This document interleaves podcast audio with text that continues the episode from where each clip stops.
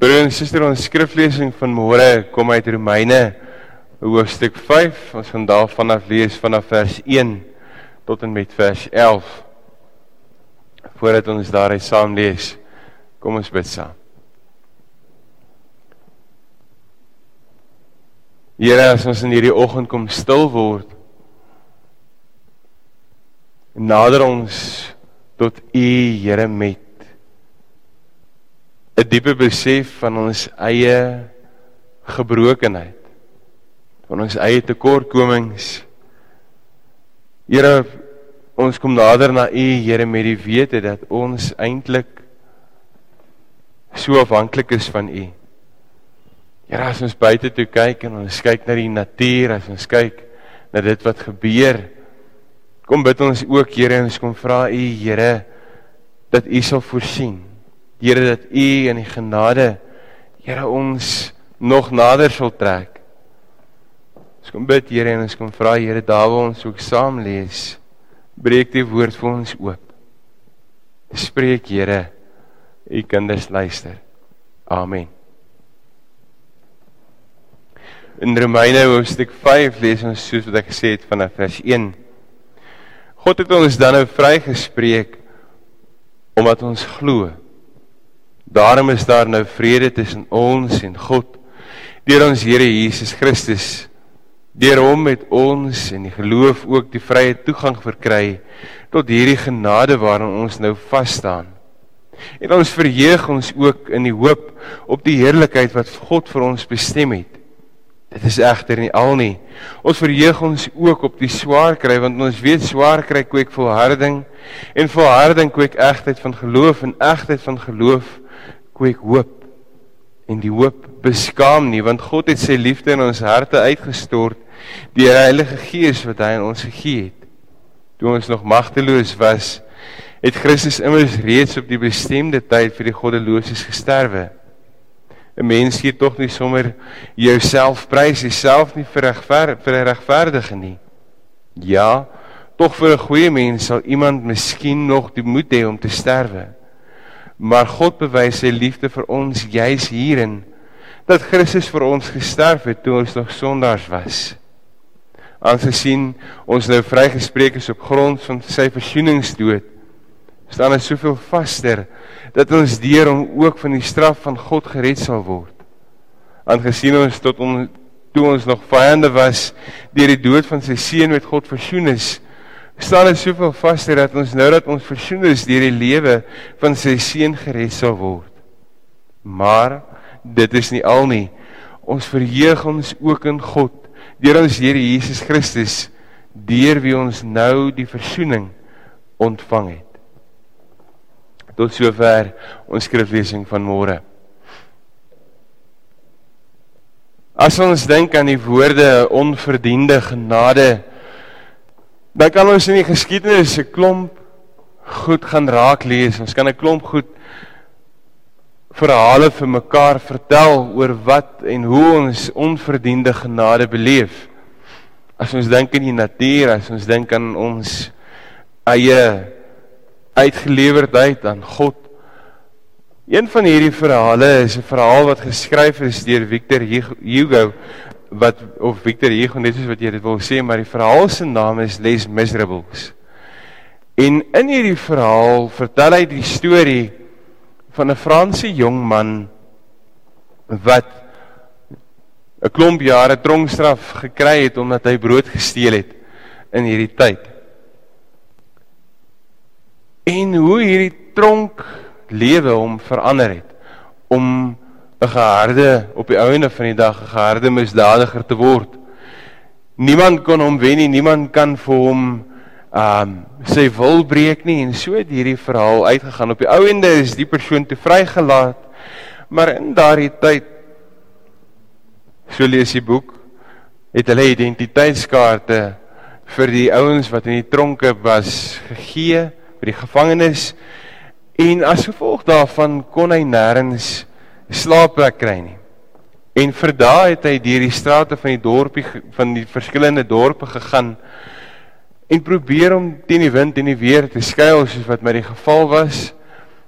En hy kom toe by 'n plek en daar's 'n biskop op die dorpie wat hom sien. Wat hom oor hierdie man ontferm. En hy nooi hom toe en hy slaap die aand by hom.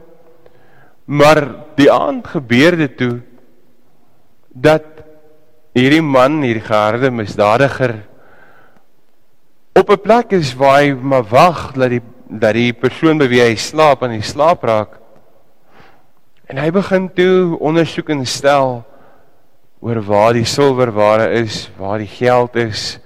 En so gebeur dit toe dat hy die volgende oggend weg is met al die kosbarehede van hierdie persoon. Die volgende oggend die dag die polisie saam met hierdie man by die by die biskop of by die wie ook al op. En hulle sê vir hom is dit die kerk se goed is dit is dit sy goeders? Of wat is die wat is die situasie? Want as dit die geval is dan sou hulle hierdie man vir die res van sy lewe toesluit wat hulle langs die pad gekry het met al hierdie kosbarehede En die biskop en hierdie persoon se reaksie het almal eintlik uit die veld uit geslaan waar hy sê so hier is jy. Ek is so bly om jou te sien want jy het die kandelare wat ek ook vir jou gegee het het jy gelos. Het jy dit vergeet om dit te vat want ek het alles wat jy het het ek eintlik vir jou gegee. En hy sê toe vir die polisie wat hierdie man in boeye het. Hierdie man is nie 'n dief nie, want wat hy het, het ek vir hom gegee. Toe die polisie weg was, het hierdie persoon hierdie geharde misdadiger voor hom gesien en hy het gesien hoe hierdie man spraakloos eintlik bewend voor hom staan. En hy sê te vir hom net hierdie volgende woorde: Moenie vergeet nie dat jy ook met dit wat ek vir jou gee beloof dat jy dit sal gebruik om van jouself 'n eerlike mens te maak. As ons dink aan hierdie verhaal, is dit seker een van die mees klassieke klassiekste verhale wat handel oor onverdiende genade. 'n opperste skelm misdadiger word vrygespreek maar meer nog word met rykdom oorlaai sonder dat daar 'n greintjie verdienste aan sy kant is eintlik wat hy verdien is lynreg teenoor dit wat hy kry want hy verdien om gestraf te word hy verdien om in boeye gesit te word. Hy verdien om weggepak te word, weggeberg te word in die tronk en almal moet van hom vergeet. En hy kry dit nog wat hy kry nog voordat hy enige sprankie van berou of belydenis of enigiets gedoen het. Kry hierdie geharde misdadiger en word hy oorlaai met onverdiende genade. In vers 2 lees ons juis dit wat Christus vir my en vir jou kom doen het. Deur hom het ons in die geloof ook vrye toegang verkry tot hierdie genade waarin ons nou vas staan. En ons verheug ons ook in die hoop om deel te hê aan die heerlikheid van God.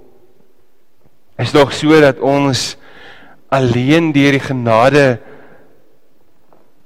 een van die belangrikste goed besef en dat ons deur deur God se genade vrygespreek word.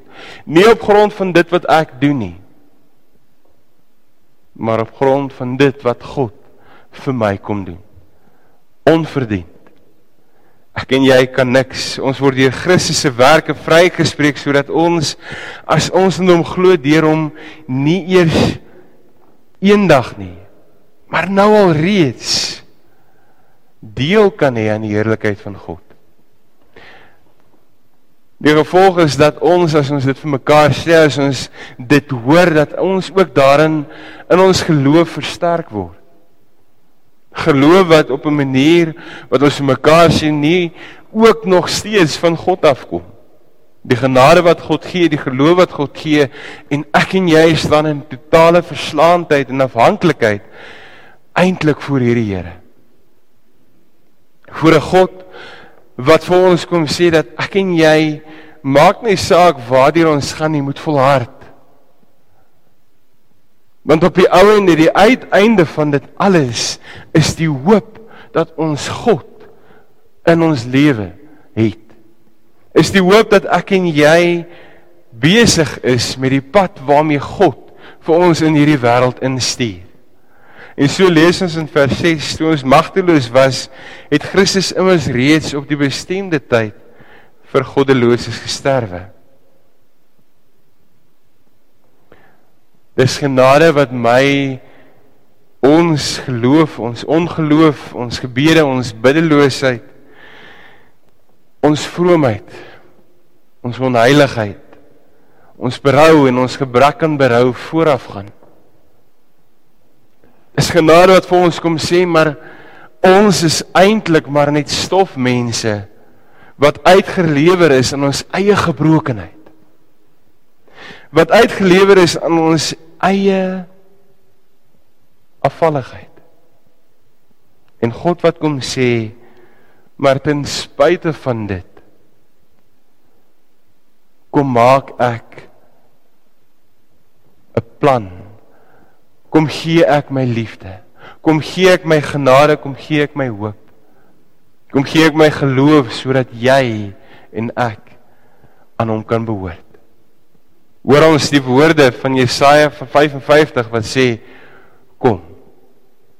Maak nie saak wie jy nie. Kom. Daarom 'n bietjie anders stel wat 'n mens wat is ons lewe? Dis 'n stukkie tyd wat tussen jou geboorte en tussen jou sterwedatum vir jou gegee word. En tussen hierdie twee datums is 'n lewe wat gevul is vol vreugde, vol bitterheid, vol vreugde, verdriet, hartseer, hoop, 'n klomp goed. En deur God se genade word ek en jy eintlik oorlaai met onverdiende genade word ek en jy eintlik op 'n plek gesit waar ons beleef hoe God se grootheid ons kom verander. Hoe God se grootheid ons na hom toe trek, na hom toe roep. Christus wat ons God se kinders kom maak. Wat ons familie kom maak, wat ons broers en susters in die geloof maak, sodat ek en jy vir mekaar kan sê maar maak nie saak waartoe ons gaan nie. Een ding bly staan en dit is dat ons kan hoop op God.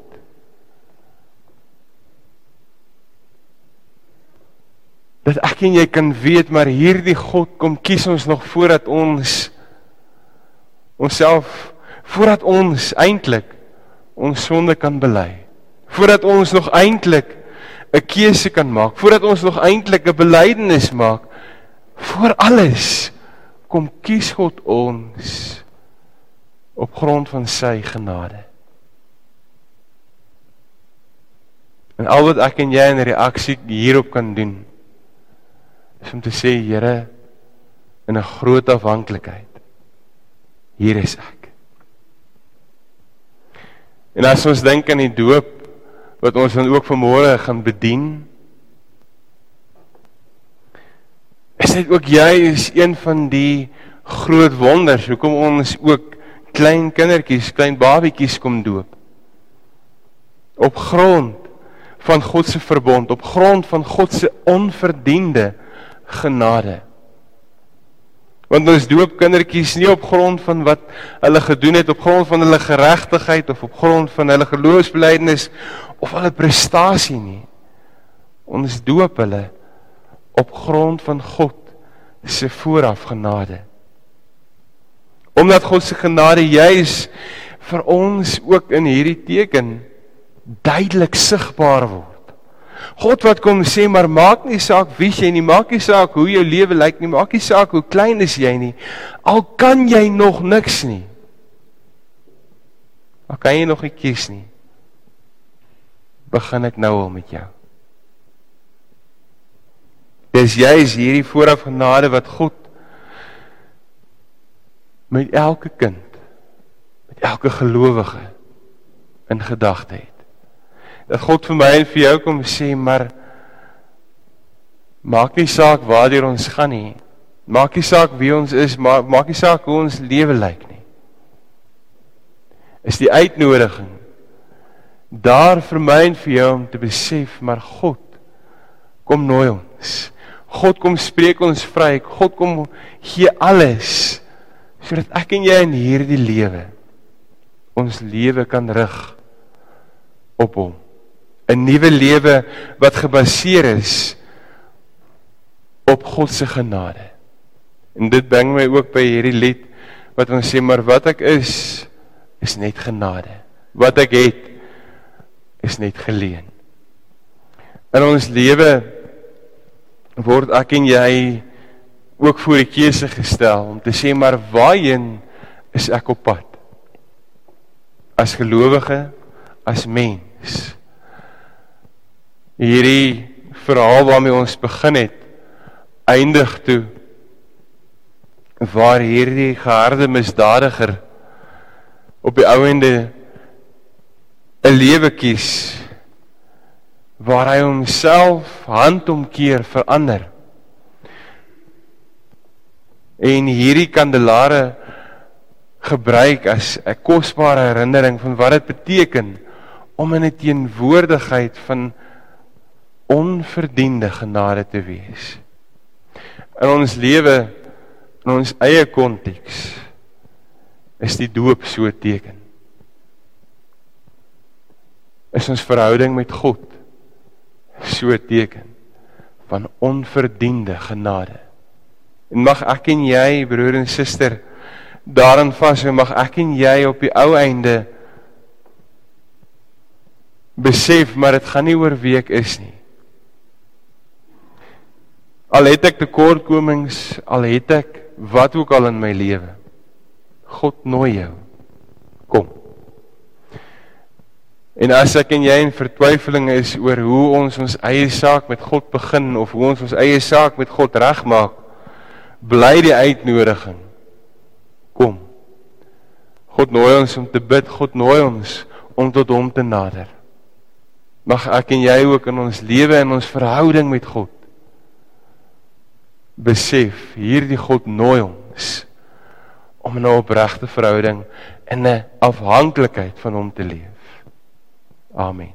Kom ons bid saam. Here, dankie Here vir hierdie oggend. Dankie Here dat ons kan stil word voor U, die God wat ons lei Here tot 'n nuwe lewe, wat ons oproep Here om te leef tot eer van U.